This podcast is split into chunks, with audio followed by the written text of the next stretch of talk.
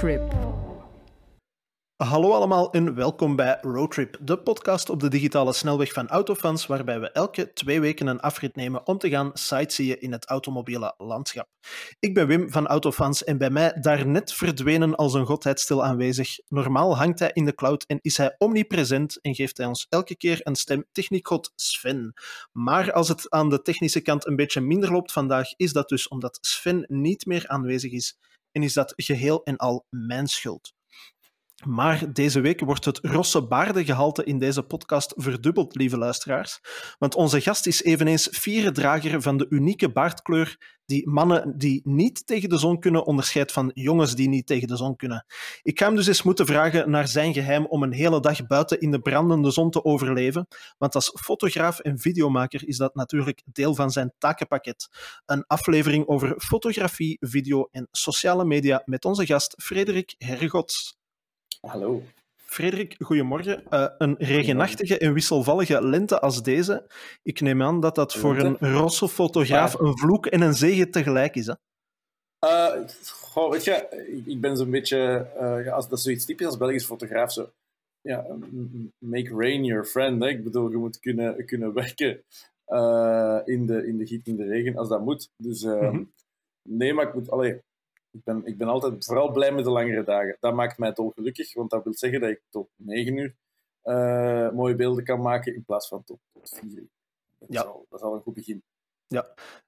Ik neem ook aan dat, dan, dat je dan vooral ook wacht op het mysterieuze golden hour. Is dat een, een begrip dat ook voor u van toepassing is? Zo het moment bij zonsopgang of bij zonsondergang waarbij het licht optimaal zit? Als, als, dat, als dat kan natuurlijk. Hè. Uh, mm -hmm. Jij weet dat even goed. Als de auto moet terug zijn om vier uur, heb je daar weinig in de pap te brokken. En als je hem pas mocht gaan halen om tien uur, is dat eerste uh, zonsopgangmoment ook al verdwenen. Nu, mm ja, dat zijn, dat zijn momenten uh, waar, dat wij, waar dat we echt wel, wel naartoe werken. Um, ik, ik kan mij shoots herinneren waar dat ik letterlijk de hele dag opnames aan het maken ben geweest. En dan in dat laatste uur, het was bewolkt, in dat laatste uur was de zon net onder de wolken. En wordt alles fantastisch. En ik heb eigenlijk niks van die hele dag gebruikt buiten die laatste ja. Aantal beelden. Ja, dat is uh, live as a photographer. Voilà.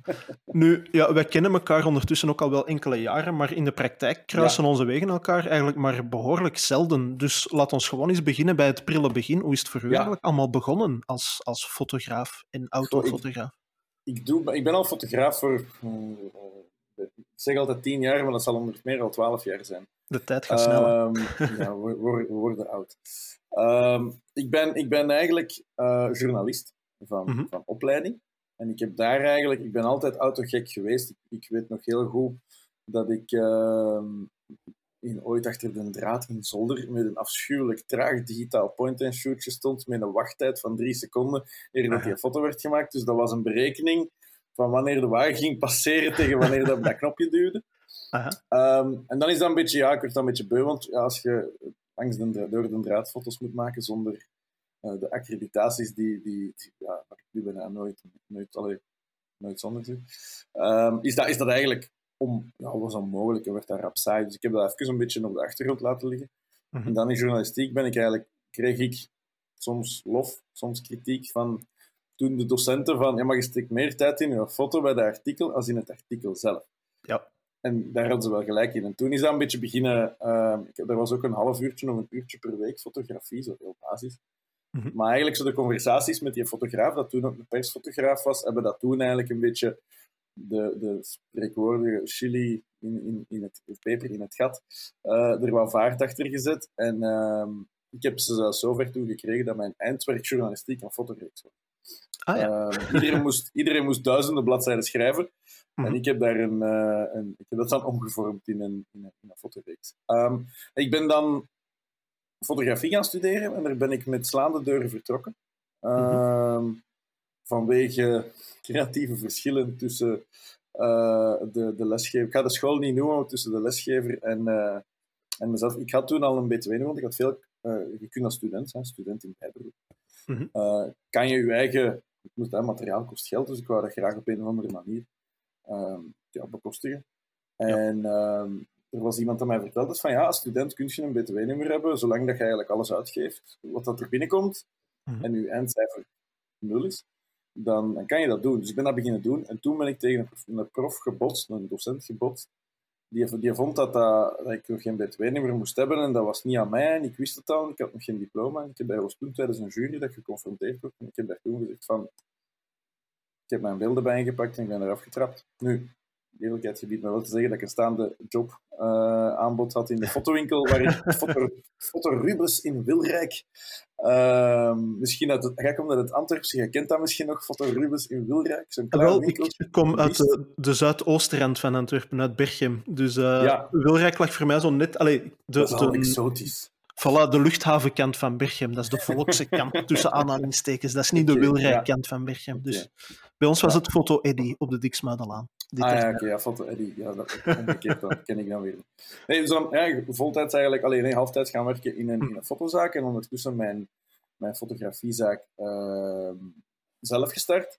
Mm En uh, ik ben dan eigenlijk helemaal niet met auto's begonnen. Ik was meer uh, commercieel portret, uh, hier en daar zelfs. Ik heb zelfs ooit London Fashion Week gedaan, of alle events. Kun je je inbeelden, ik tussen ik, ik kleed mij zo, een Groeningen klaksje en een Brabus. en ik kleedde mij toen ook zo, dus dat was een beetje een stang op een varken ja, ja, ja. dat ik daar stond. En ik had eerder zin om daar toen, en er was naast, de, naast de, het event waar dat de catwalk was, was een Burger King. En ik denk na de derde modellen dat ik zoiets van, ik ga gewoon een Burger King halen en die zo in plaats op mijn monopot houden om die dames wat eten te geven. Want dat was, ja, dat was echt niet mijn wereld, maar dat was iemand dat mij had aangeboden. En op die moment was een beetje de attitude dat ik had van, ik zeg geen nee. Ja. Dus als iemand mij een job aanbood om te komen assisteren in London Fashion Week, dan zeg ik van... Tuurlijk. Ja. En op die manier heb ik eigenlijk... Ik heb concertfotografie gedaan, ik heb modefotografie Ah, ja. gedaan, ik heb zelfs voor Schwarzkopf uh, haar studio shoots gedaan, noem maar op.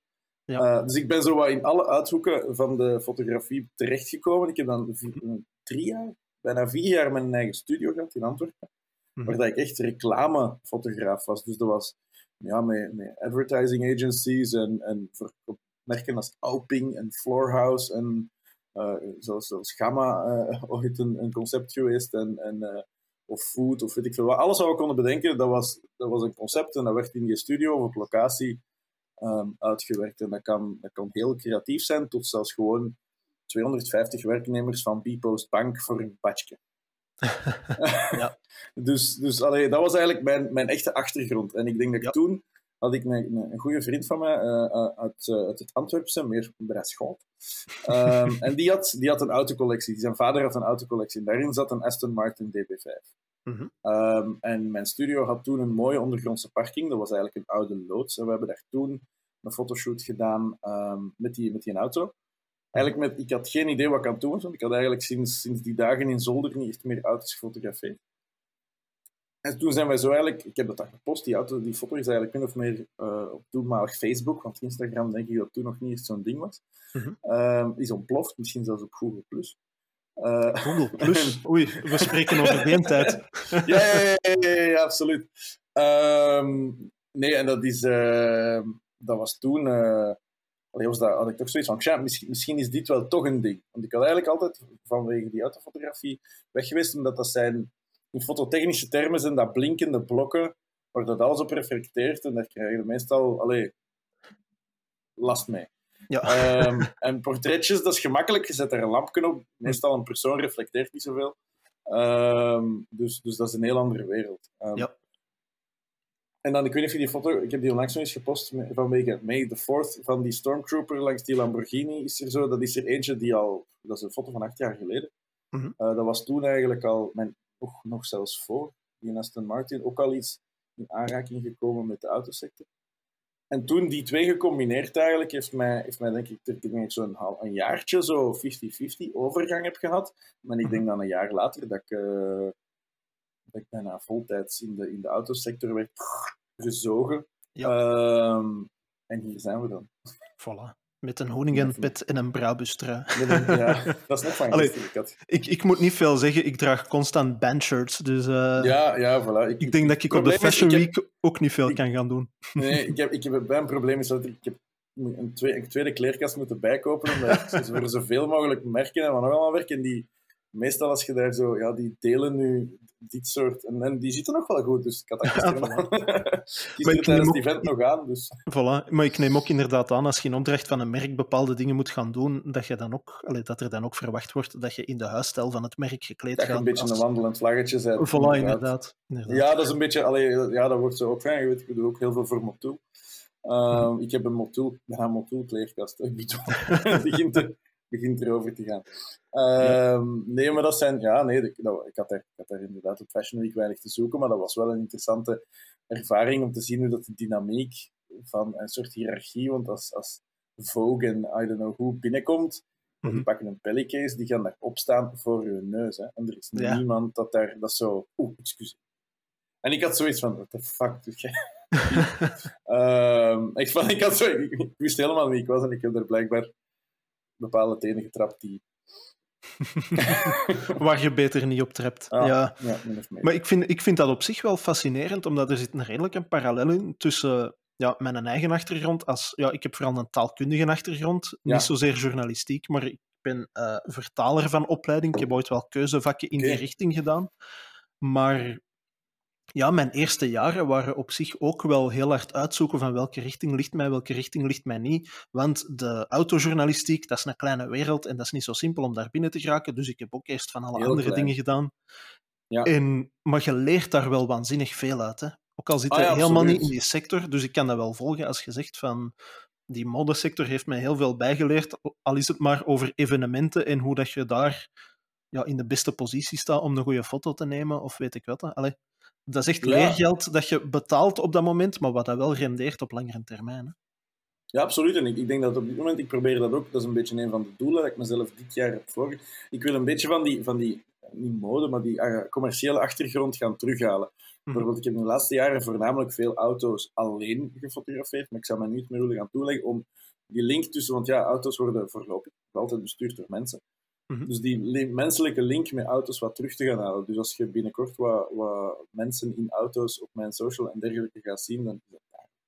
Uh, omdat ik, misschien is dat een beetje, nou, edge kun je dat niet noemen, maar dat is een ervaring dat ik eigenlijk al heb, dat ik kan gebruiken, een, een trucje in mijn boekje, dat ik kan gebruiken om, om iets anders te doen dan de rest van mijn conculega's.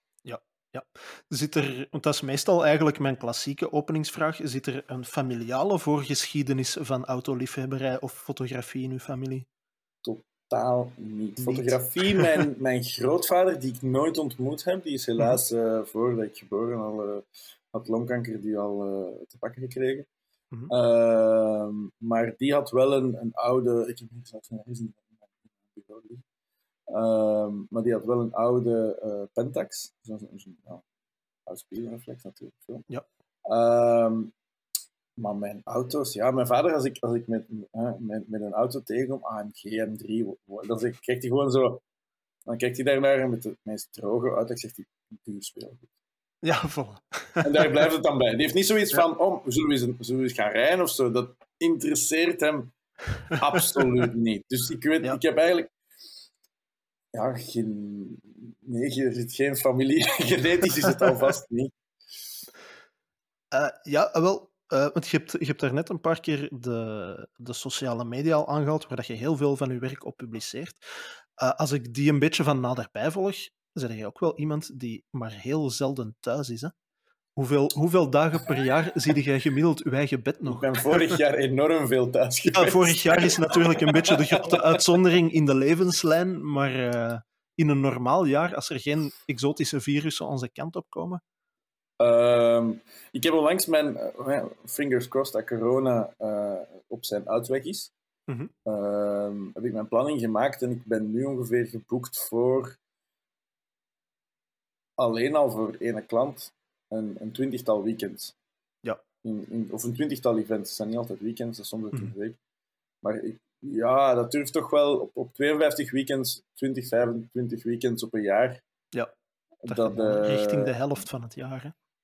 Ja, dat, dat, ja, ja, dat is inderdaad de helft van het jaar. Ik ben niet zo iemand die hotelnachten en vluchten telt. Ik vind allemaal mm. tabelletjes en lijstjes een beetje tijdverspilling. Maar um, ja, dat, veel weg. Inderdaad, ik ben nu weer ik ook, drie dagen, vier dagen in Duitsland. Ehm, ik bedoel, normaal, als alles goed gaat, zit er in, twee weken bijna Carrera Panamericana aan te komen. Mm ja, dat zijn, dat zijn leuke dingen, maar dat is, dat is natuurlijk, ja, dat vraagt ook veel van je persoonlijke omgeving, veel geduld. Ehm, en dat is niet altijd even, even evident. Nee, zeker en vast. Nu, kun je eens een paar van die, van die klanten bij naam noemen? Want allee, er zit er ene behoorlijk prominent in beeld momenteel. um, ja. Maar er, allee, de lijst is, is eigenlijk behoorlijk indrukwekkend. Hè? Allee, ik denk inderdaad vooral aan Brabus, maar Motul heb je daar net vernoemd. Ja. Uh, daar heb je ook al uw portie van de wereld wel mee gezien, maar er zijn er nog wel een paar, denk ik. Uh, ja, ik, doe, ik, doe, um, ik, ik ben ook natuurlijk... Hè, er zijn een aantal uh, lokale klanten. Mm -hmm. bijvoorbeeld, ik zie, ik zie, heel veel, ja, je kent ze ook met FCA, met de, allee, Stellantis moet ik eigenlijk zeggen. Het uh, wint nog altijd niet hoor, Stellantis. Nee, F, F, FCA en, en, Jeep en, en Fiat en zo ja. heb ik. Uh, weet je, dat is ook het leven van een zelfstandige fotograaf, is dat kabbelt af en toe. Je hebt soms doe je heel veel voor de ene klant en, en die zijn dan volledig vrij om, om ook met andere collega's iets, iets te proberen, een andere stijl. En, en dan komen die ineens terug en dan gaat dat weer Soms heeft dat te maken met budget, soms heeft dat met stijl te maken. Daar, daar heb je eigenlijk die onzekerheid, is iets wat als een van de eerste dingen, ik vermoed dat als freelance journalist, uh, bij u ook soms. In, uh... ah, wel, ik heb de grote luxe dat ik geen freelancer ben. Ah, Oké, dat is ik ben, ja, wel. Ik ben uh, altijd, allee, dat is een beetje een vloek en een zegen misschien ook. Um, ik heb er altijd op gestaan om in loondienst te werken en niet als freelancer. Vooral omdat ja, de, de, journalistieke vetpot als freelancer is niet zo heel nee, nee, groot. Het is een beetje, dus- ja. Klopt, nee, nee, maar ik vind dat, dat, is, dat is absoluut, ik denk in, in uw vlak een voordeel, want inderdaad, um, dat is iets wat je leert mm -hmm. als, als zelfstandige fotograaf is van, hè, soms heb je een klant en ondanks dat dat allemaal goed bellen die ineens niet meer terug. En ja. dat is een beetje, ja, dus dat kabbelt een beetje. Ik heb daar, mm -hmm. Uh, bijvoorbeeld, ja, ik heb veel voor Volkswagen uh, gedaan. Ik doe uh, de invoerder van RAM in Europa, en Dodge, AEC. Ehm, dat is een Duits bedrijf. Daar zit ik ook eh, af en toe. Dus er zitten, wel, er zitten wel wat dingen bij. Ik heb in het verleden, nu is dat weer anders, want vaak, dat is ook een van de dingen die je, die je ook weer leert, is als een, als een PR of een marketingmanager van functie verandert, of die verlaat het bedrijf en er komt niemand, niemand nieuw binnen, die heeft zijn eigen contacten en zijn eigen ja. kennissen. Ik ben zo ook al bij andere bedrijven binnengeraakt, gewoon omdat de persoon, die een, contactpersoon was, een vertrouwenspersoon, van petje veranderde. En, ja, en neemt, word je eigenlijk meegenomen in, uh, in, in, die familie. Ja. Uh, dus dat, is, dat, dat, verandert heel hard. Maar inderdaad, ja, Brabus, Motul, uh, FCA, um, Volkswagen, denk ik, alleen de Volkswagen groep. Mm -hmm zit daartussen. Oh, dat is zo wat, ja, het is wel van alles, maar dat zijn ja. zo wat de grootste inderdaad. Ja. Die, uh, ja, die... ja, dat was, dat was een beetje mijn volgende vraag ook. Uh, hoe geraakt je bij sommige van die dingen binnen? Allee, ik weet dat je gezegend bent met een naar Belgische normen stevige dosis assertiviteit, maar is dat gewoon een kwestie van lef? ook soms en zeggen van, kijk, deze zijn mijn foto's, kun je iets met mij doen? Of is dat opgemerkt worden? Is dat een mengeling van allebei? Bijvoorbeeld, er is, er is een hele, bijvoorbeeld het, het Brabus-verhaal bijvoorbeeld is heel gemakkelijk. Ik, ben, mm -hmm. ik, ben, ik werkte voor Motul. Motul is een uh, partner van Brabus. Ik ja. ben voor Motul uitgestuurd om een reportage bij Brabus te gaan maken. En bij Brabus heb ik gezegd, if you like what you do. uh, en uh, dan hebben ze, hebben ze mij daar eigenlijk gevraagd of ik voor hen ook heel wat content wil maken. Ja. En, en dat is eigenlijk een van de meest voornaamste manieren dat dat gebeurt, is, is via mm -hmm. een... Oei, Lost connection to server. Ja, ik krijg dezelfde melding, bizar genoeg. Ja, ah, succes.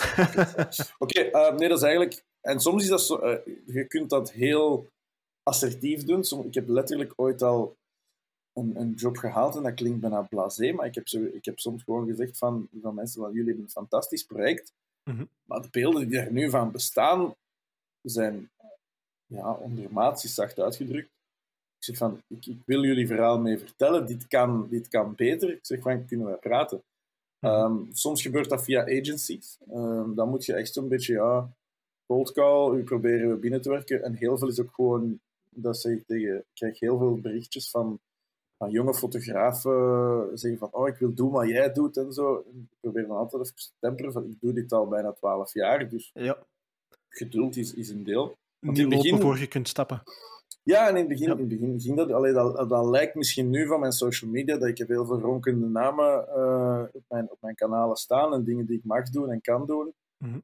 uh, En ehm, dat, is, ja, dat is opbouwen. Hè. En via, je doet dat via gewoon mensen ontmoeten. Netwerken is nu niet zo evident, want er zijn geen, geen salons of events of, of echte perslanceringen en dergelijke meer. Ja. Ehm, en, maar dat is soms gewoon ja, die voet in de deur krijgen en daar is goed aan frikken en zien dat daar iets ehm, uitkomt. En ik ben altijd, dat is iets ook wat, wat ik gaandeweg geleerd heb, is van ik, eh, vaak in het begin doet dat pijn om een nee te krijgen. Van, we zijn niet mhm. geïnteresseerd, of er is geen budget, of, of we hebben al iemand. Of, dat zijn dingen die tot op de dag van vandaag, nog gemiddeld een paar keer per, per week, ehm, ik doe er geen procent op plakken, maar meer dan de helft vaak toch nog altijd zeggen van nee. Ja. En het is gewoon, het is gewoon vissen. En ik zeg altijd tegen iedereen, ja, stuurt, stuurt 100 mails en als er 10 van terugkomen met, met een vraag voor meer informatie, dat is eigenlijk al een goede start. Ja. Ehm, dus ja, zoals, zoals de, de, de internet ehm, memes, the hustle is real. um, ja, het is gewoon wringen en trekken en, en, en, en, ik probeer een enthousiasme over te brengen dat, dat klanten mee enthousiast maakt en, en hopelijk dat mijn werk dat kan onderbouwen en dan uh, gaat dat wel het is een beetje constant solliciteren eigenlijk, hè, als ik het zo begrijp. Als je zegt van ja, als je 100 mails uitstuurt, mogen al blij zijn dat er 10 antwoorden komen.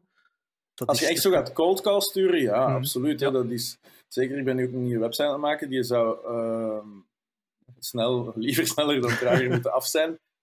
Mm. dat, dat duurt soms.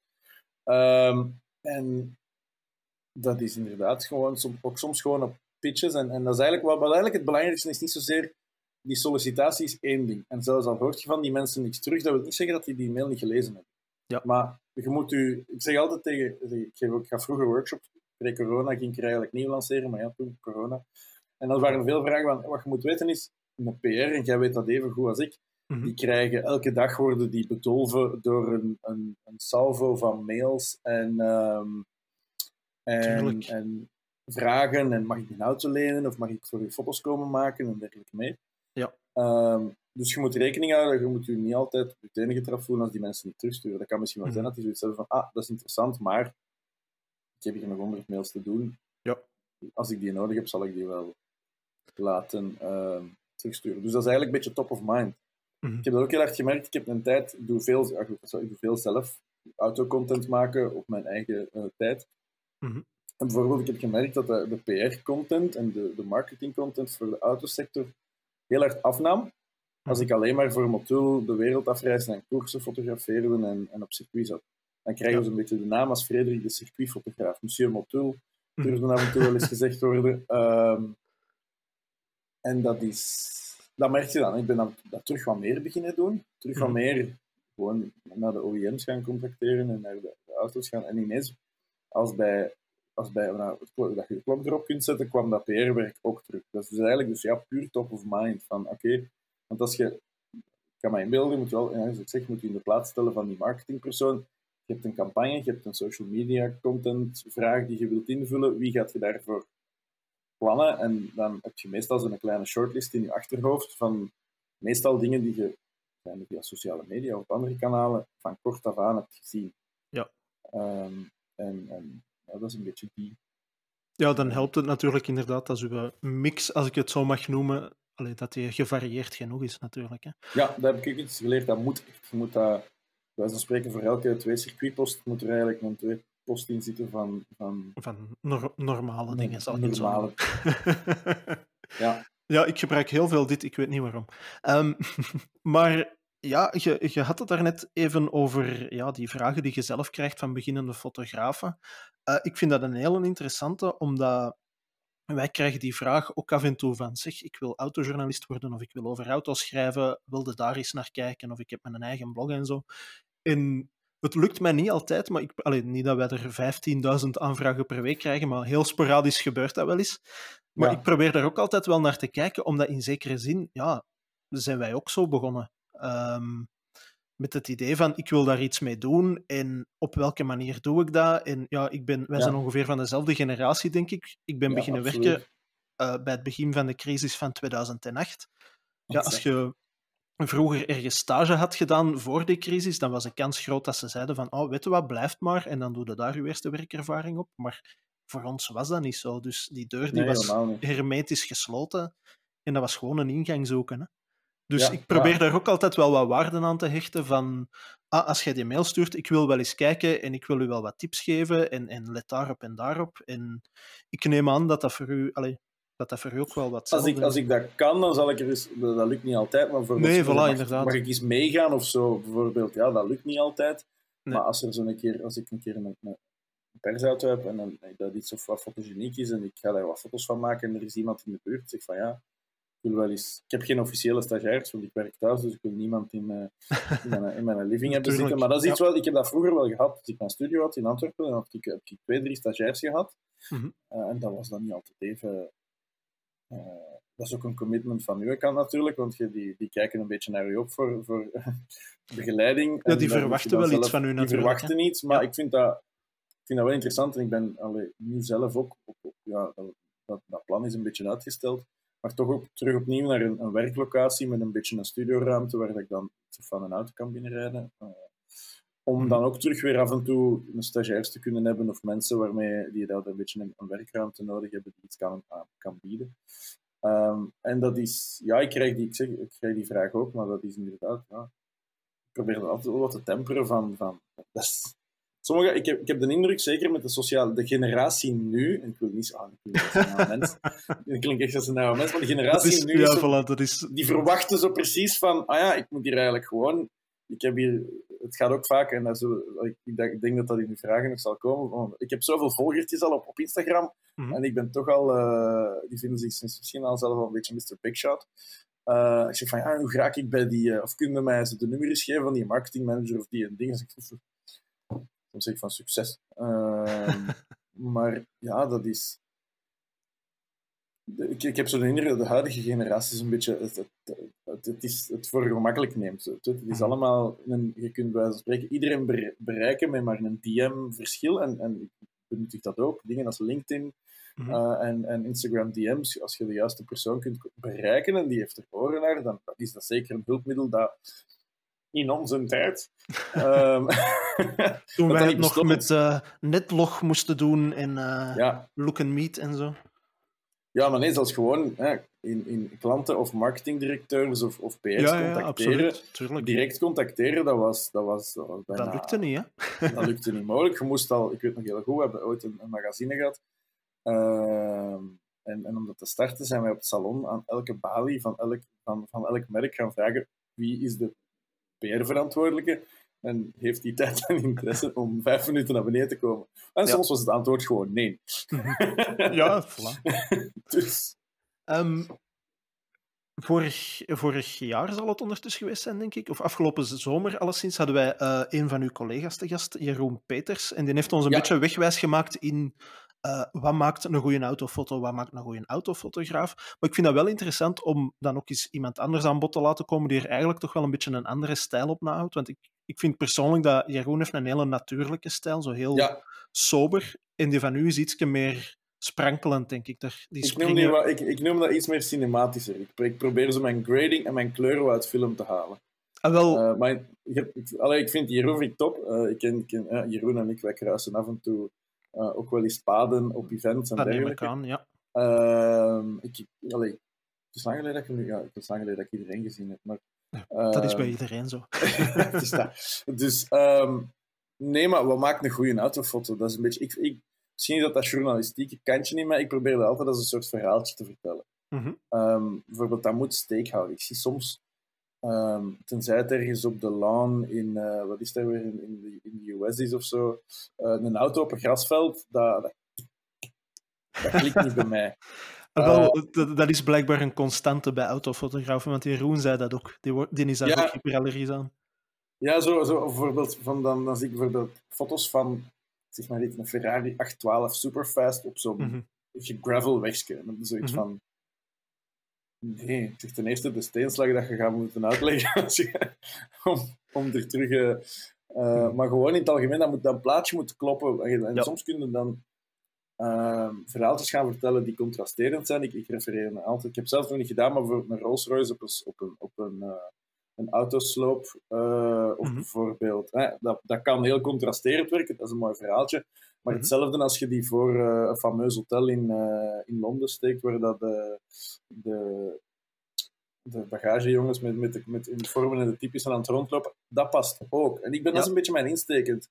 Insteek, insteek in, in, in fotografie is, ik probeer een, een, verhaaltje soms te vertellen. Dat lukt niet altijd. Hè. Bijvoorbeeld, ik mhm. heb drie dagen uh, nu op een vliegveld gezeten, ergens een klein vliegveldje in Duitsland. Ja, er zit een termak en wat bomen. En dan krijg je daar een, een, een 280 SE Mercedes, een mooie klassieke Mercedes. Ja, kun je, is weinig verhaal rond te, rond te vertellen. Je kunt er hopelijk gewoon esthetisch aangename plaatjes van maken, maar dat is dan weinig verhaal vertellen. Maar als ik dan denk aan verhaal vertellen, ja, die Stormtrooper shoot is wel bijvoorbeeld eentje um, die nu recent, recent gepost had. Dat is bijvoorbeeld, uh, dat was een auto die was wit met zwarte velgen. Dat is mhm. nu net de, de kleurschakeringen van de befaamde Stormtroopers. Dus ik dacht van, en die ziet er al uit als een spaceship, zeker toen. Acht jaar geleden was dat al heel spectaculair. Nu zijn we met, met McLaren Elvas is dat al een beetje pattekes geworden. Mhm. Eh, maar dat zag er toen... Allee, dat was een beetje dat plaatje dat, dat ik wou, wou vertellen. En dat kun je eigenlijk als een soort wel constante gaan zien in mijn werk. Dus ik probeer daar altijd...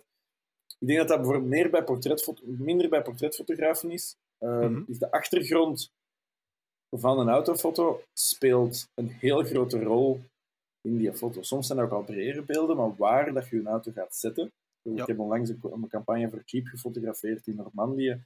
Uh, en daar zijn we echt gaan zoeken. Ja, weet je, Normandië en Jeep, dat is een... Ja, die denk dat je, ja, ik denk dat ik weet waar dat je naartoe wilt. Willen, tegen Willen dank is de Jeep Willys daar geïntroduceerd in, in, Europa. Dus, dat, dus hier en daar is het toch wel wat, wat Amerikaanse vlaggen en zo. En, en ondanks mm. dat misschien die Jeep in kwestie nog weinig te zien heeft met de Amerikaanse Jeeps, dat dat meer uh, een Italiaans product geworden is. Maar het blijft nog altijd wel die, diezelfde styling en dat, dat plaatje blijft wel kloppen. Ja. Um, dus ja, ik, dat is meer maar ik probeer wat verhaaltjes te vertellen. En, en ik probeer nu ook, dat is iets wat ik deze, recenter meer probeer, ook weer aan die technieken van vroeger. Er gaan niet al eens terug meer met, met artificieel licht er gaan inwerken om zo terug die specifieke uh, look er, erin te krijgen. Zo een beetje aan een commerciëlere look in die beelden. Zo wat sprankelender, om het in uw woorden te zeggen, uh, is toch inderdaad waar, dat ik, waar dat ik specifiek naar op zoek ga. Mm -hmm. Hoeveel procent van uw werk is dan eigenlijk voorbereiding als je spreekt over verhalen vertellen? Ik neem aan dat dat toch wel een, een, een belangrijk gedeelte is. Uh, absoluut, hè. dat, is, dat, is, allee, dat, dat hangt, hangt, ook weer te zien van als het, als het, uh, wat de klant wil. Uh, mm -hmm. Als die gewoon zegt van, ik heb zelfs, mijn, mijn, recentste klant is Cardoon. -huh. maar, dat is dan, maar daar wordt bijvoorbeeld ook gedacht, nagedacht over de, waar gaan we die auto zetten. Ja. Dus daar wordt effectief wel, we gaan, een, een Dacia Duster in een stadstraat is misschien niet de ideale omgeving, maar bijvoorbeeld voor een, een Renault Twingootje dat meer wel. Ja. Um, dat zijn heel basisauto's en dat is niks spectaculair, maar, maar dat, allee, dan vertelt, dat is ook weer constant nadenken over dat verhaaltje.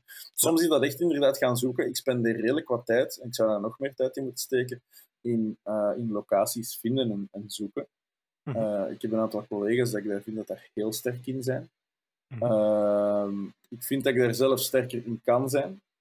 Uh, bijvoorbeeld, ja, bij, bij bijvoorbeeld, als wij waar ga je die auto fotograferen? Ga je dat in, in Düsseldorf Centrum doen? Dan gaan mensen heel rap al naar zo'n medienhaven, met dat typische, die trappen in Düsseldorf en glazen wanden en zo. Maar ja, dat is ondertussen ook al plat gefotografeerd. Dus dan moet je eigenlijk gaan gaan, gaan nieuwe locaties zoeken. Ik probeer ook mijn locaties niet veel uit te wringen.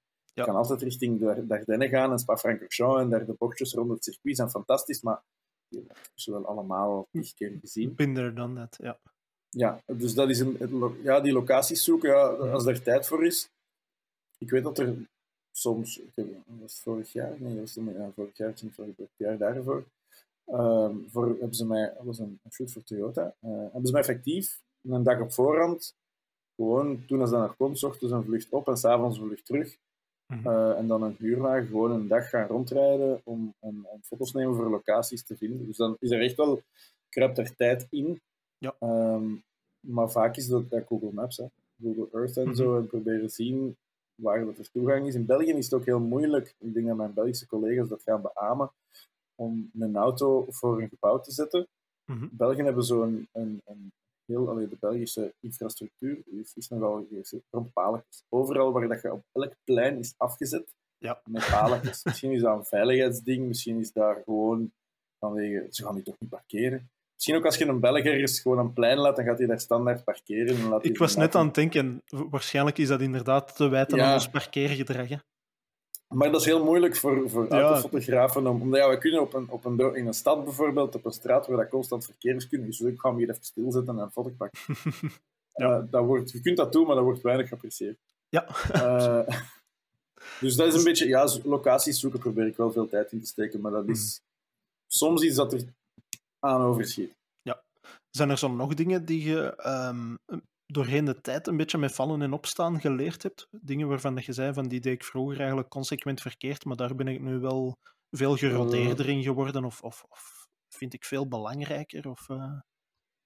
ah, het, het, organiseren van shoots. Hoeveel, hoeveel, als je zegt van ik heb deze shotlist mm -hmm. en uh, ik moet dit allemaal hebben en dan spreek ik over locatie city, locatie urban, rijdende shots, spanshots, interieurshots, als je die een brief hebt, mm om dat allemaal op, soms gewoon op, soms gaat dat zelfs over offertes maken en budgetten maken. Hè, van, ik, ik ga dan al vaak zo, ik ging vroeger al zo meer de geste doen, omdat ik de job echt graag wou. Ja. En dan is, is eigenlijk een shoot onderschatten, mm in, in de offerte dan. En dan zeg je, oh, kun je dat op een dag doen of op een halve dag is dat gedaan en dat je dat merkt. Eigenlijk een hele dag, dan is ik uitgespeeld. Maar dan kun je niet achteraf terugkomen. ja, eigenlijk, eigenlijk was dat een hele dag. Soms kun je dat wel doen. Mhm. Als je een goede vertrouwensrelatie met je klant hebt, dan kun je zeggen van ja, maar als dat een nieuwe klant is of zo, dat kun je niet vergeten. Ja, tuurlijk. Ja. En dat is, dat is dingen dat ik heb moeten leren, is van, van op voorhand het werk inschatten. Maar dat is iets dat je alleen kunt doen met ervaring en, en allee, als je weet hoeveel dat een interieur duurt en als het constant zon, wolken, zon, wolken is om je, om je licht juist te krijgen, of bijvoorbeeld als je met flits moet werken, Mhm. opstellen, afstellen, als je iemand bij hebt of niet, gaat het alweer wat sneller. Ja. Ehm, dus die tijdzinschatten, dat is nog altijd iets waar ik soms wel mee, mee, mee vloek. Uh, Maar dat is iets, ja, dat leeft je gaandeweg. En, oh, er zijn zoveel kleine dingetjes, in postproductie ook. Mhm. En de manier waarop dat je postproductie doet, is ook iets wat dat je in, in, door de jaren heen een beetje uh, ontwikkelt. Nu wordt dat vaak zo, we gaan een rap een filter over zetten. maar dat werkt niet zo.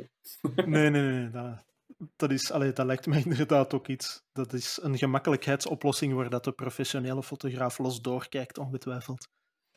Ja, maar het werkt wel voor, voor de Instagram-boys, werkt het wel. Hè. Vaak is, ja. het, is, het, is het genoeg en, en uh, is in het tempo dat die soms de content. Ja, voor, voor vluchtigere uit... content waarschijnlijk, inderdaad. Ja, ik denk ja. dat dat. Nu, los van de uh, foto's, als ik het goed begrepen heb, is dat iets wat je meer voor jezelf doet. Uh, maar je maakt ook behoorlijk wat videocontent, hè? Ik maak behoorlijk wat videocontent, maar ik heb er op dit moment nog niet veel gepubliceerd. ik heb één, één goed onthaalde jaar is GR-video mm -hmm. uh, in staan uh, op YouTube. Uh, en dat is iets...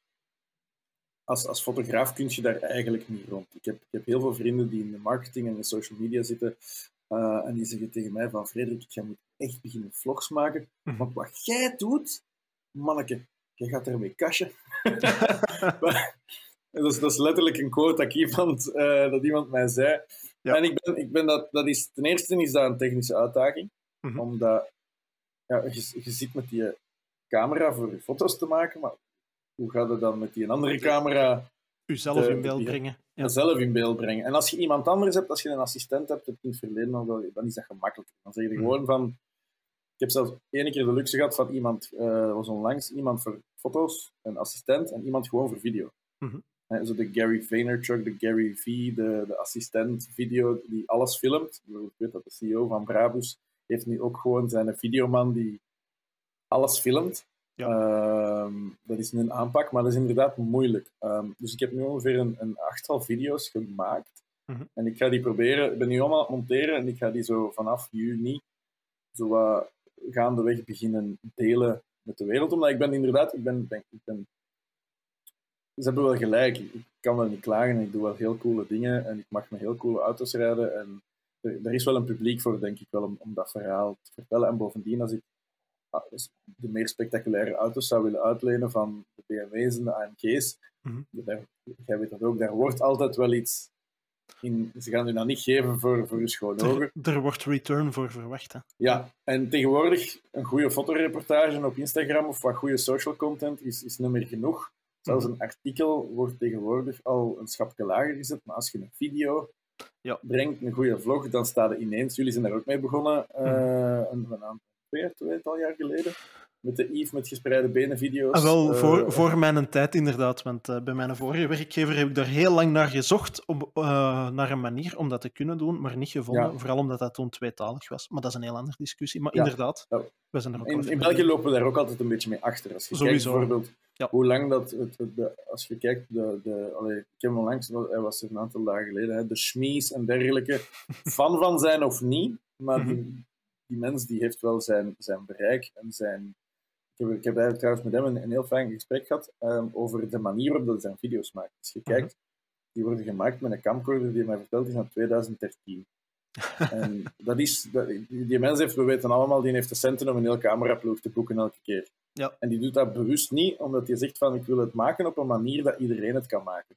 -huh. En een beetje die, die plaats gaan instellen. Ik denk dat dat ook heel belangrijk is. Ik denk zeker Jonas, en je kent hem ook, een heel goede kameraad van mij, die gaat heel gemakkelijk zijn video's super hard overproduceren. En blijkbaar, vanuit de, de auto-enthousiast zelf, geeft dat een drempel. Ja. Om een beetje... En dat is iets wat ik, wat ik ja, ook probeer wat minder te doen. Ik heb dat voordeel, ik ben geen videoprofessional. Mm -hmm.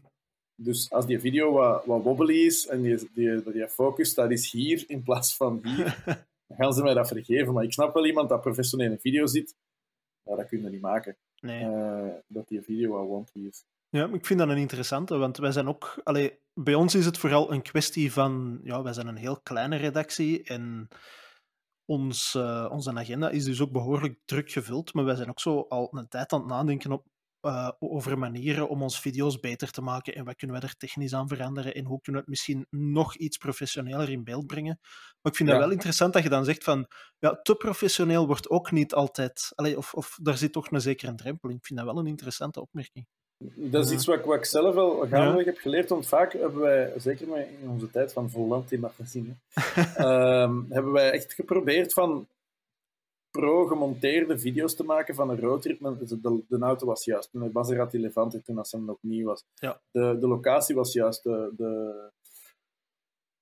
uh, die pas met dat hotel Bellevue in, uh, van boven. De, ik er ook niet namen.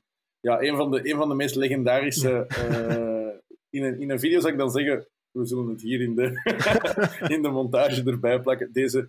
Um, de, heb mijn pas gedaan. Dat was allemaal leuk. En die video heeft gewoon... Dat was een, we kijken naar die video nu nog Mhm. altijd. Om te zeggen van, ah, nee, dat is kei tof. Hè. Die auto die was vuil. We zijn in aan het wassen. Er was in een dorp de stroom uitgevallen. Dus we moesten dat... Allee, dat was echt, was echt een toffe video. En heeft gewoon niet gemarcheerd. Ja. Niet. 800 keer bekeken of zo. Dat is mij ook al opgevallen, dat de dingen waarvan dat je zelf denkt van deze is content dat ik echt zelf zou willen zien, want ik vond die video's Ja. die jullie maakten inderdaad ook echt heel knap gemaakt. Dat zijn inder- inderdaad de video's waarvan dat grote publiek zegt gewoon nee, wij willen eigenlijk gewoon, ik zeg maar iets, een zien. Wij willen die zien Ja. accelereren. En meer Ja. moet dat niet zijn. Absoluut. Dus- Ik heb nu net iemand, iemand ontmoet. En die, dat is de, de, eh, een aantal maanden geleden via social. Mhm. Ehm, en die eh, heeft bijvoorbeeld YouTube plaat, een gouden en een zilveren YouTube play button. En niemand weet, kende die niet. Mhm. Dat was, die zat ook niet in de autosector, maar bijvoorbeeld die heeft een kanaal met een crusher. En die kletst daar een PlayStation 5 in. En dat wordt miljoenen keren bekeken. En die, die, die doet letterlijk niks anders. Die zijn inkomen is Dingen in de gooien. is, is, is, gewoon, is gewoon YouTube. Die zijn volledig Ja. inkomen is gebaseerd van YouTube. En die heeft, twee, eh, heeft een hoop kanalen. En die heeft een kanaal met hondjes.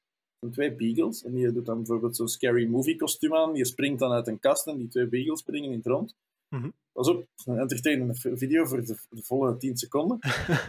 maar mensen kijken daarnaar. ja. En bijvoorbeeld, ik weet ook, ja, bijvoorbeeld Jonas zit in dat geval uh, ook te experimenteren met zo van die simpele, en ik weet dat er een collega van ons is, een video-collega, die uh, niks anders doet dan gewoon een camera op zijn neus zetten. Johan de Haas. Ja, en, Ja. en Jonas is dat ook beginnen doen als Johnny POV. Mhm. Um, en die is ook gewoon in een auto en je rijdt gewoon in die auto rond. Ik denk voor best een, een, een, een bijna oncomfortabel lange tijd. Soms zijn die 20 minuten lang. En dat haalt miljoenen, alleen Ja. miljoenen, maar honderdduizenden views. Ja, ja, ja, van- dat is iets wat ik persoonlijk ja. niet, niet inzie waarom dat ik daar naar, naar de volle 20 minuten zou uitkijken. Mhm. Dan kijk ik liever 20 minuten naar Henry Catchpole, Jethro Wovington of Chris Harris of, of, of, een video van u of van u. Uh... Ik ben blij dat je de juiste hiërarchie respecteert. nee, nee, maar gewoon, ik bedoel echt gemaakte content. En, ja, ja, waar energie in die content is gestoken. Ah, wel, en, ik was het inderdaad net aan het denken, dat is de, de afweging die dat je moet maken. Hè? Want het is inderdaad je wilt natuurlijk een publiek bereiken, want als je een publiek bereikt, gaan er meer deuren open en kun je ook andere dingen gaan doen.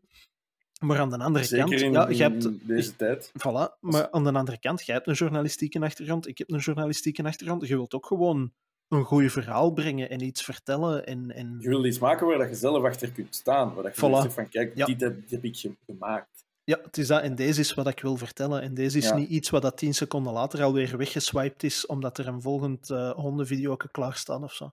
Niks tegen hondenvideo's, want ik pleit ook schuldig. Voilà. je hebt wel je 15 seconden advertentie uh, gekregen, hè? Ja, voilà. Allee, het is, ik vind dat een hele moeilijke balans. Dat is, ja. Uh... ja, inderdaad. Ik heb, ik heb bijvoorbeeld... En soms is dat ook heel raar.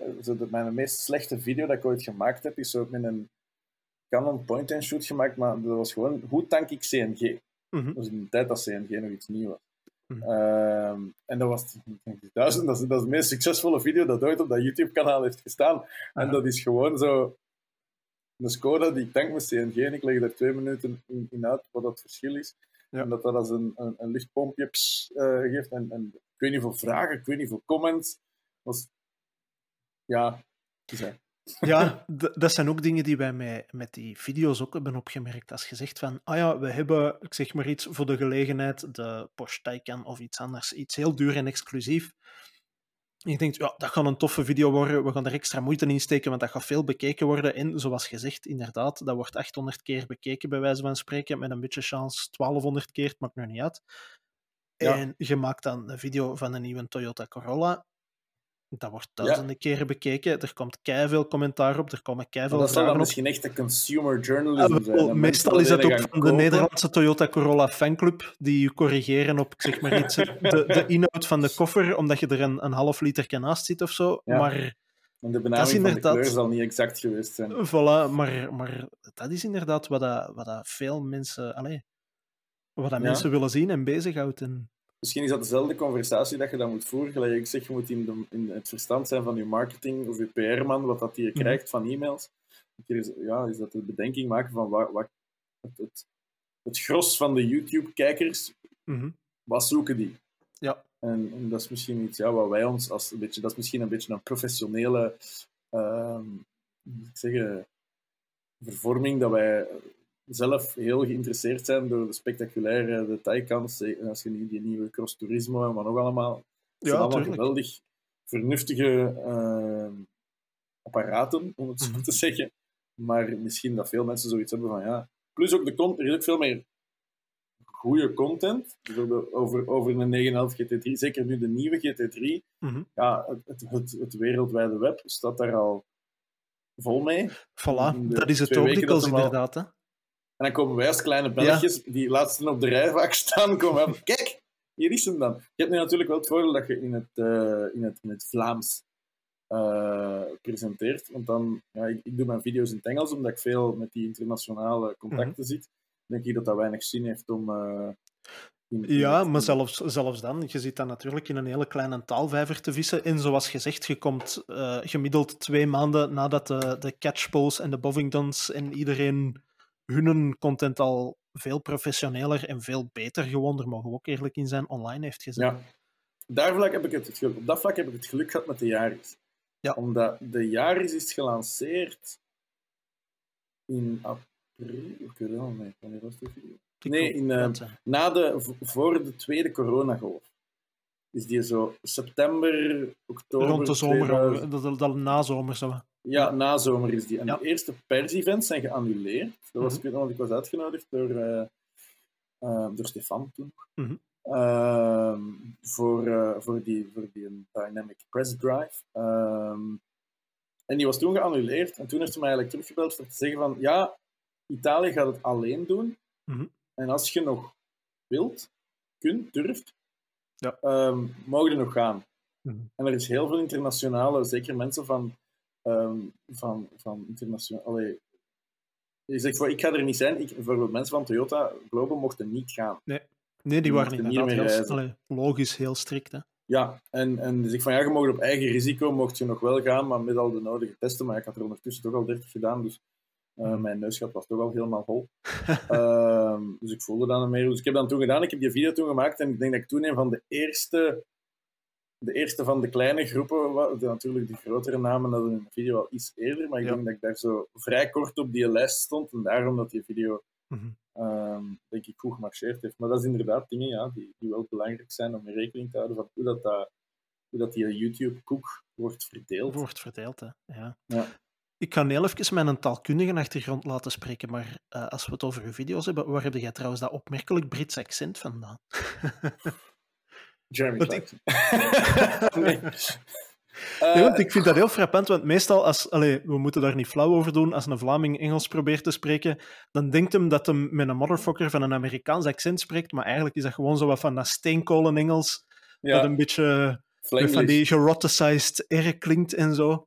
Ja, goh. Maar ik vind dat heel frappant. Dat klinkt zo behoorlijk... Ja, dat, dat klinkt zo verrassend Brits. En we zijn nu... Dat is ondertussen al een klein publiek geheim aan het worden, maar wij zijn, uh, we hebben de afgelopen maanden een Franstalig gedeelte van onze site op poten gezet, met ook een videoluik.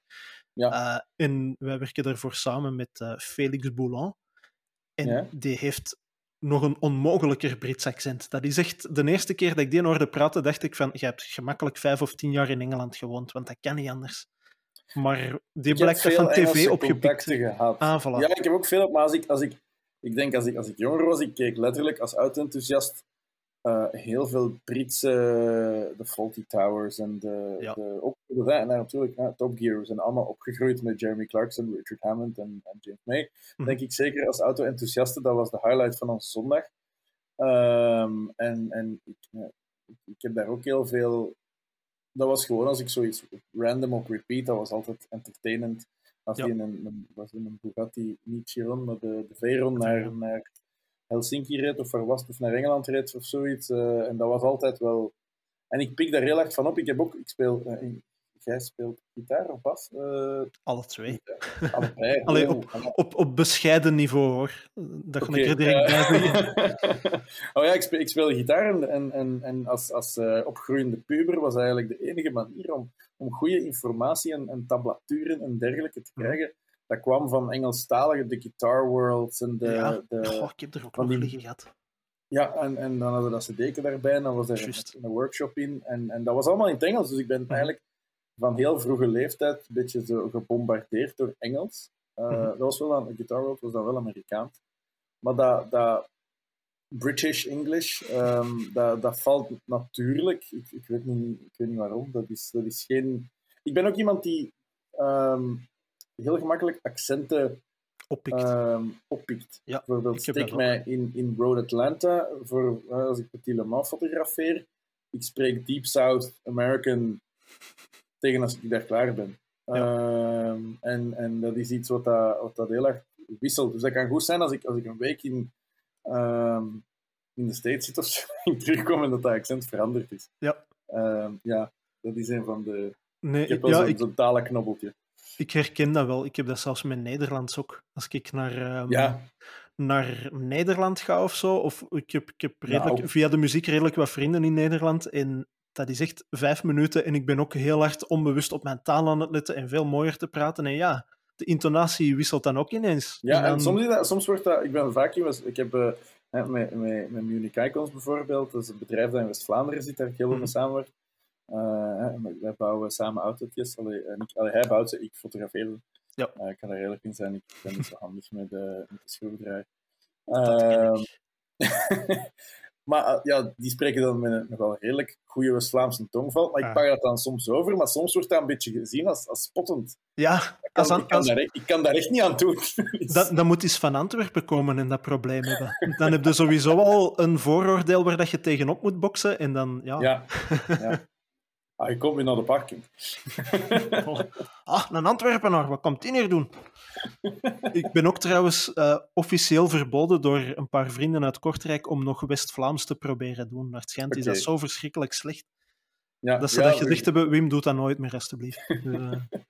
Dus, een Antwerpenaar die was Vlaams spreekt, dat kan wel interessant Ja. Nu, um, nog iets helemaal anders. Dat is een prangende vraag die ik ook heb gesteld aan uh, Hannes Koedenis, als we het nu toch over West-Vlamingen hebben. Ja. die is er een paar weken geleden te gast geweest. Maar jij, zit ook, allee, jij zit dus heel veel bezig ook met sociale media. Leg mij TikTok eens uit. Leg mij dat eens uit. Hoe werkt dat? Um, ik snap het nog altijd niet. Ik heb een account, maar ik gebruik dat, vooral om mijn nichtje van 10 te controleren wat die erop doet. Want die mag dat officieel niet hebben, maar... Ja, dat is wel handig, want er gebeuren dingen op TikTok dat ik ah, wel, helemaal... Dat heb ik ook al gemerkt. Het algoritme blijft me die dingen voorserveren. Ik weet niet waarom. um... Meestal is dat uh, omdat je daar naar kijkt, denk ik, hè? nee, nee, dat kan, kan um, nee, maar dat is, dat zijn, ja, dat is een als ik me niet vergis, de historie dat dat vroeger Musical.ly was of zoiets, dat dat overgenomen en bla, verkocht is en hervormd en herkoud is. Mhm. Ehm, ik, ik, er zijn dingen op sociale media dat ik niet snap. Maar bijvoorbeeld iets als Twitch of zo, dat snap ik niet. ik snap niet hoe dat je naar... Nou, dat, is, dat is een platform waar je andere mensen kunt die in gaming streamen. Dus dat ah. zijn dingen waar de andere mensen kijken hoe dat andere mensen gamen. Daar, daar ben ik te oud voor, dat geef ik op. Dat snap ik. Dat is iets, dat, gaat mijn patch te boven. Ik pak mijn PlayStation, ik zal zelf wel gamen. Ik ben misschien niet zo goed als die mensen waar de anderen naar kijken, maar mhm. nee. TikTok snap ik een beetje, omdat dat, dat is het ja, aan zich is dat een, een, een muziekgedreven contentplatform. Je moet dat eigenlijk zo zien. Dat is gewoon gemaakt uit filmpjes. Die hebben een hele slimme automatische montage op muziek. Mm kun je daar, als je daar tien snippets van een auto in, in uh, plakt en je doet daar een catchy tune, dan gaat hij zelf eigenlijk doen waar dat ik in Premiere aan het zwoegen ben om dat allemaal op die beat te krijgen. Dat gaat zo vanzelf. Mm -hmm. filtertjes en zo, ja, dat is allemaal een beetje uh, Snapchat gepikt en dergelijke. Uh, wat ik trouwens ook nooit gesnapt heb. Uh, dat heb ik ook stilaan opgegeven. Ik snap, ik snap TikTok wel aan, aan zich van, en dat heeft een heel clever algoritme. Mhm. Ehm, de eigenaars zijn, zijn, zijn, soms een beetje dodgy, aangezien het dan nog wel in Chinese handen is en wat nog allemaal. Mhm. Ehm, maar ik denk dat op deze moment het probleem is, als wij allemaal gewoon hele goede TikTok gaan overspoelen met hele goede content, mhm. dat de, de, mening over die een TikTok gaat veranderen. Wat het nu een beetje wordt gedomineerd wordt, zijn, zijn, zijn dames met te weinig aan die stomme dansjes doen. Allee, te weinig aan naar goed voor hen is. Maar dat is gewoon, het feit is, ik vermoed dat die een heel groot mannelijk publiek zullen hebben en die hebben gewoon de, de, de, de, uh, de statistiek bekeken en zegt van als ik een dieper in decolleté heb, dan heb ik meer likes.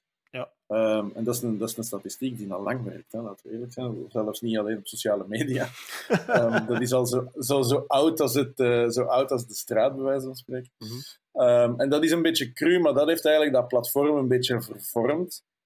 Uh, bijvoorbeeld, er is een hele leuke... Uh, er is een gast die heet Mechanic Link, bijvoorbeeld. Mm En die maakt van die hele snappy video's. Dit is deze auto, dat is ermee kapot. Ik ga dat fixen en er gaat van alles mis met die auto en er vallen dingen uit. En dat zijn eigenlijk best entertainment video's. Ja en in een formaat gegooid van, van een aantal van een minuut lang, denk ik, maximum. Mm is, dat, is dat wel leuk om dat te kijken. Er zijn andere video's van, van bijvoorbeeld, ik volg een, ik volg een Canadees, een Canadese logger, een truckchauffeur die met van die boomstammen door de Canadese bossen rijdt.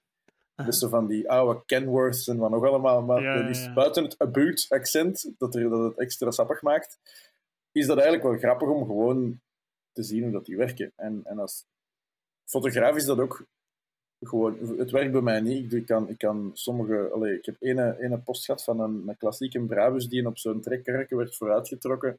En die heeft een half miljoen views gehad en die is, is ja, ik ben ook nog wel veel bezig.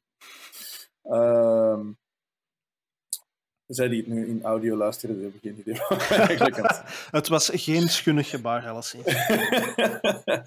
en, en ik denk dat dat is... Je moet dat gewoon zien als... als TikTok moet je gewoon zien als de basis wat het is. Een contentplatform dat nogal muziekgedreven is. Ja. Wat dat de gebruikers ermee doen, is vaak wat dat het definieert. Bijvoorbeeld Snapchat heeft een beetje tegen wil en dank uh, de rol gekregen van schunnige foto's die na, uh, naar elkaar sturen, die wijze van spreken na 24 uur verdwenen zijn. En, en dat mhm. was daar dat een beetje dat de bijnaam. Voor alle duidelijkheid, ik gebruikte dat voor de gezichtsfilters met mijn nichtje.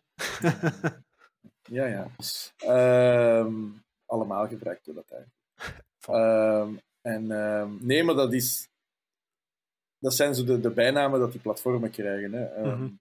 Ik heb eigenlijk Snapchat nooit gebruikt, want ik vond dat een beetje onnozel. Plus, tegen als ik door had wat het was, had Instagram het min of meer gewoon copy-paste gedaan en zelf ja. aangeboden als eigen service. Plus, je had dan eigenlijk al een publiek waar dat je iets aan kon vertellen, terwijl dat je op die hoegenaamde Snapchat, er was geen exposure-functie, er was geen ontdekfunctie, dus je moest eigenlijk bijna je publiek op een ander platform gaan zoeken. Ja. Dat, was heel, dat was heel traag, dus ik heb daar eigenlijk nooit veel mee gedaan. Uh, met TikTok probeer ik af en toe iets te doen, omdat dat gewoon een contentplatform is. En, mm-hmm. en als, om dat terug te komen als fotograaf en, en, en over, over hustelen en werk zoeken, is van ja, ik woon in de, ik, ik, woon in the middle of nowhere. Ik had vroeger een, een mooie blinkende studio in Antwerpen. Oké, die was wel op een maar dat was centraal. Ik, was, ik zat in Antwerpen. Dat heb je tegenwoordig niet meer nodig. Je kunt jij op een berg in de Walen gaan wonen, uh, waar dat er geen, geen allez, een, grote, een, gravelweg naar je oprit gaat, bij wijze van spreken, uh -huh. en dat er geen mens in de, de, de, de, omgeving te zien is. En jij kunt nog altijd genoeg werk hebben. Dus ik denk dat het als, als fotograaf en, en in het algemeen bijna media creator, want fotograaf begint bijna, dus is niet meer exclusief stilstaande beeldjes maken. Mm -hmm. um, belangrijk is om, om die, die sociale media uh, te snappen. En er is iemand dat daar in mijn opzicht heel, heel goed in is. Bijvoorbeeld, dat is een Gary Vaynerchuk, waar ik een aantal boeken van heb gelezen. En die is altijd wel goed in, in die platformen inschatten. Terwijl dat vaak iedereen zegt van dat is gelijk, hè, vaak nu zeggen mensen, ik, ik hoor dat nu nog altijd van, mm -hmm. mensen een jaar geleden, TikTok, dat is voor stomme meisjes die dansjes doen en wat nog allemaal. Ik zeg van, ja, dat is wat het nu is. Mm -hmm. Ondertussen zit McLaren, Porsche zit erop als ik me niet vergis, en ja. McLaren F1 zit erop en die maken zelf al uh, Hyundai Motorsport heeft onder andere een, een grappig, uh, die maken daar nog altijd wel wat ludieke dingen aan, dat misschien ook binnen het dansjes doen soms valt. mm -hmm. uh, maar dat is gewoon, ja, in C staan contentplatform. Ja. En als je als media creator, ik denk dat Hannes dat zal ook wel misschien iets gelijkaardig gezegd hebben, je moet daar gewoon bij zijn. Je moet daarmee experimenteren, denk ik dat hem zei, inderdaad. Ja. ja, en je moet gewoon je ding doen. En je mm -hmm. moet niet per se, je gaat mij nooit zien een dansje doen. dat gaat, gelukkig, dat gaat niet gebeuren. Voor de audio mensen, ik heb het daar net gezien en het was inderdaad geen zin. ik doe wel vaak dansjes en er zijn veel behind-the-scenes dingen waar dat er dansjes... Ja, dat, is, ja, dat, dat geheel terzijde. Uh, ik heb geen schaamte. Uh, en uh, ja, ik denk, dat moet je gewoon... Ja, ik zeg, ja. nee, dat, is een, dat is een platform dat je gewoon moet mee experimenteren.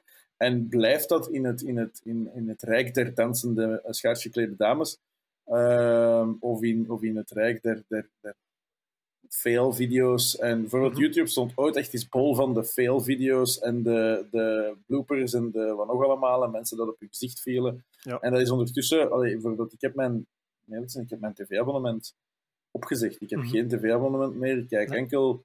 Ik, zie, ik heb één keer...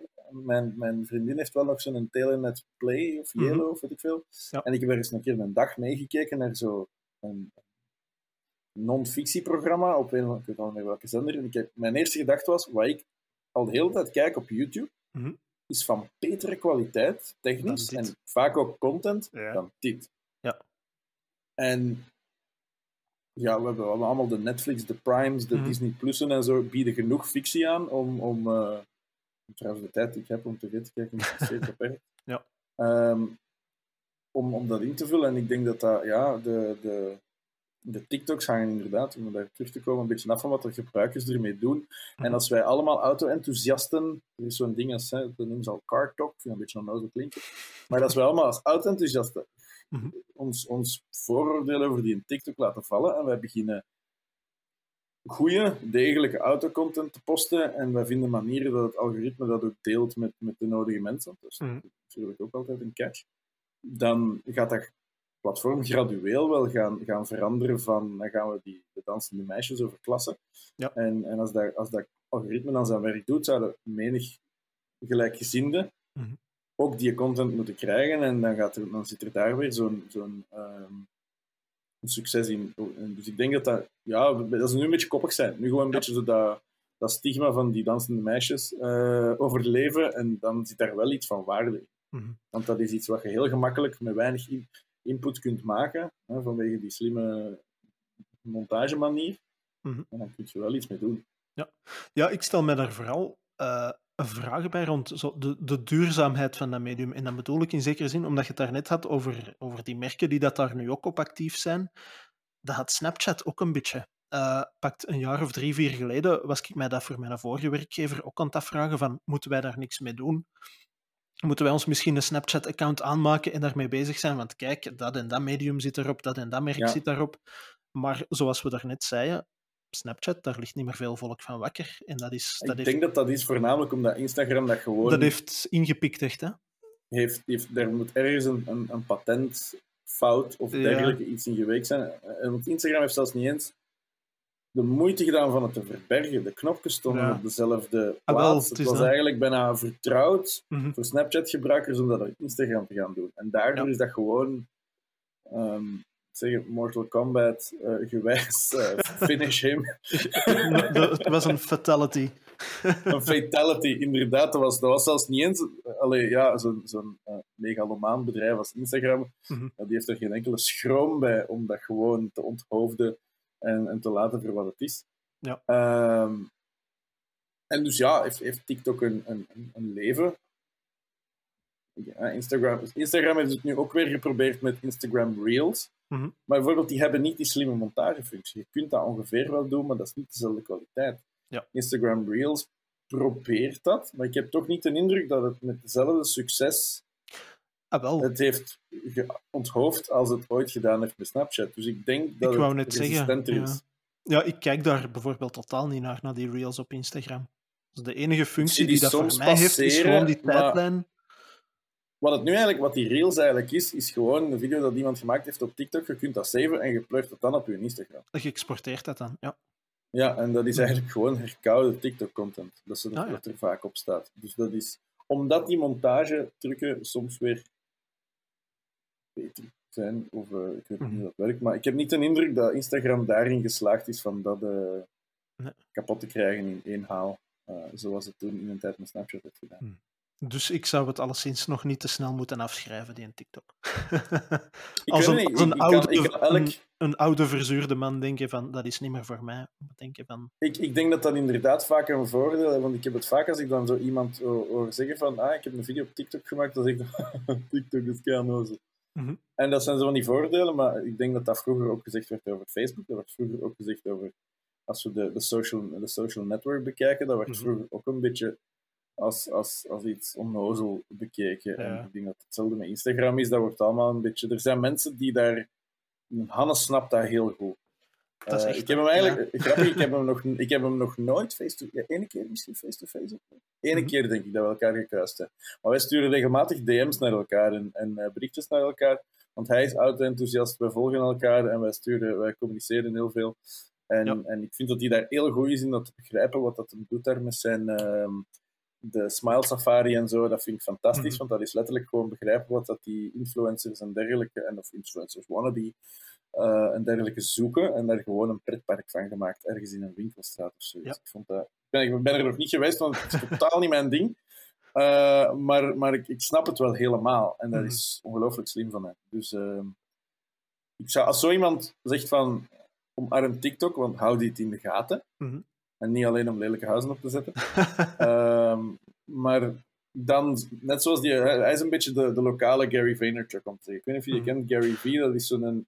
Je moet hem eens opzoeken. Dat ik ga dat zeker doen, want je hebt die naam inderdaad al een paar keer laten vallen. Dat is iemand die voor mij een beetje... Die heeft in het begin ook gezegd, je moet dit gebruiken, je moet dat gebruiken. Die heeft meerdere klanten waar dat hem zegt van... Geef al je tv-budget in social media en mhm. je gaat het verschil in return zien. En dat is echt zo'n beetje een marketingman.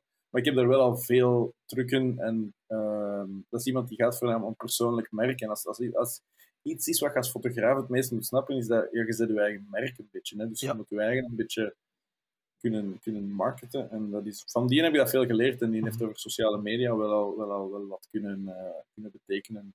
Uh, ja. Voor mij en voor anderen in mijn omgeving. Mm. Alright. Nee, ik ga het uh, dus alleszins nog niet afschrijven als een uitsluitend nee. dansvideo ik kijk uit naar uw dansvideo's. ik kan u daar uh, al die verwachting gewoon genadeloos met een fatality de kop helaas, induwen. Helaas. Ik ben uh, een houterige Klaas op dat vlak. Misschien is daar wel een niche voor. Houterige Klaas en dans. Misschien is zelfs die username nog vrij. Houterige, houterige. Klaas. ik ga het uh, zo meteen na de uitzending eens even, allez, na de opname eens even opzoeken. Ja. Uh, ja want we komen stilaan richting het einde inderdaad van deze podcast, maar misschien moeten we nog eens even snel in uw garage gaan kijken, want ik weet dat je een Ford Ranger Raptor hebt staan. Ja. Maar klopt dat dat daar onlangs ook een oude BMW 3-reeks is bijgekomen? Dat is, dat is het verhaal met de Munich Icons. Hè. Dus ik heb hmm. een samenwerking met Munich Icons en in die samenwerking hoort een, uh, een Munich Icons mobiel uh, die we dan samen gebouwd hebben. Die, ze, ze heet Greta.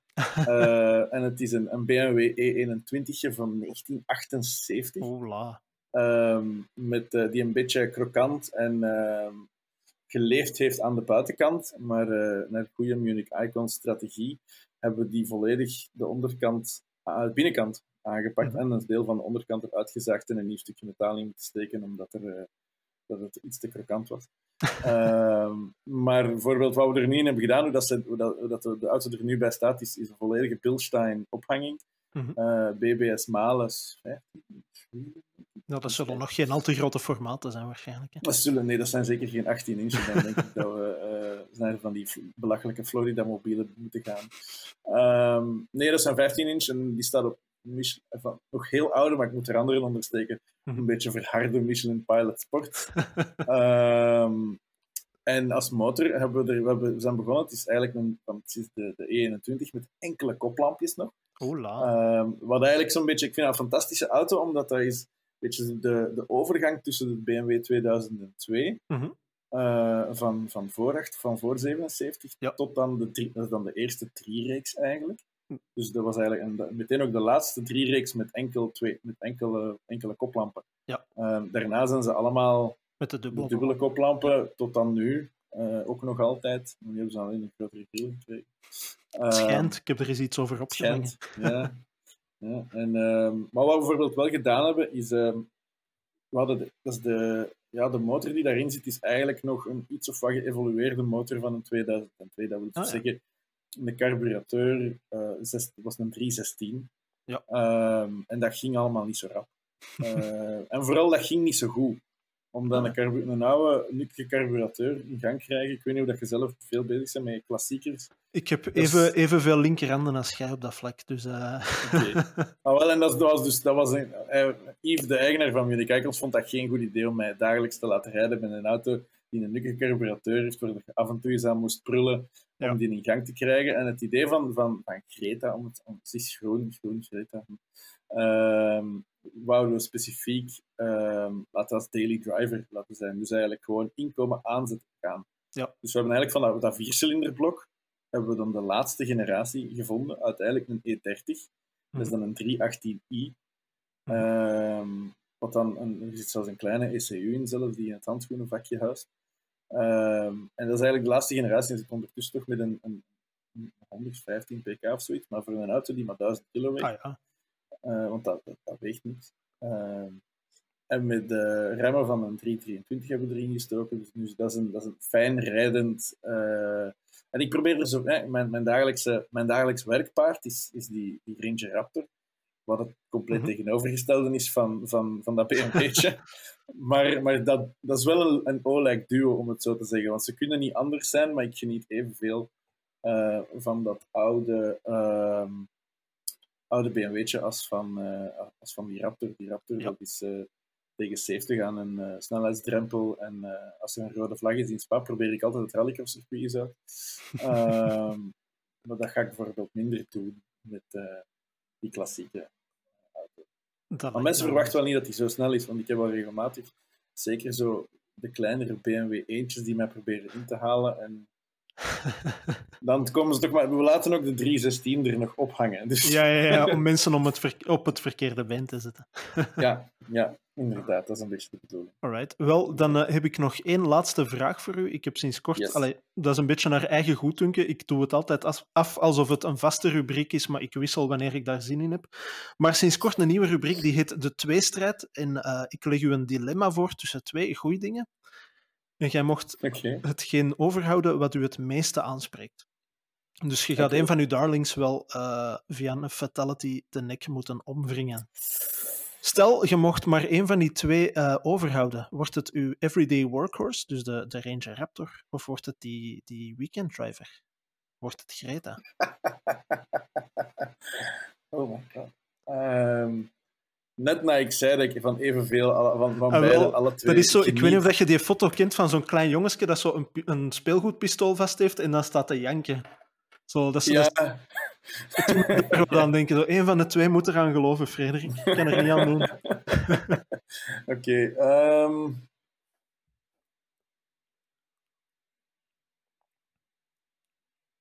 als ik het geld van de Raptor in de BMW mag pleuren, ga ik voor de BMW.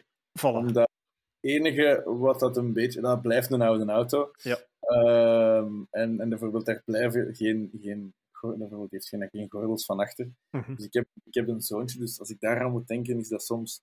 Uh, moet daar nog wat werk aan gebeuren, eer dat ik die volledig... Uh, en langs de andere kant, die Raptor is ook wel heel tof. Maar ik denk...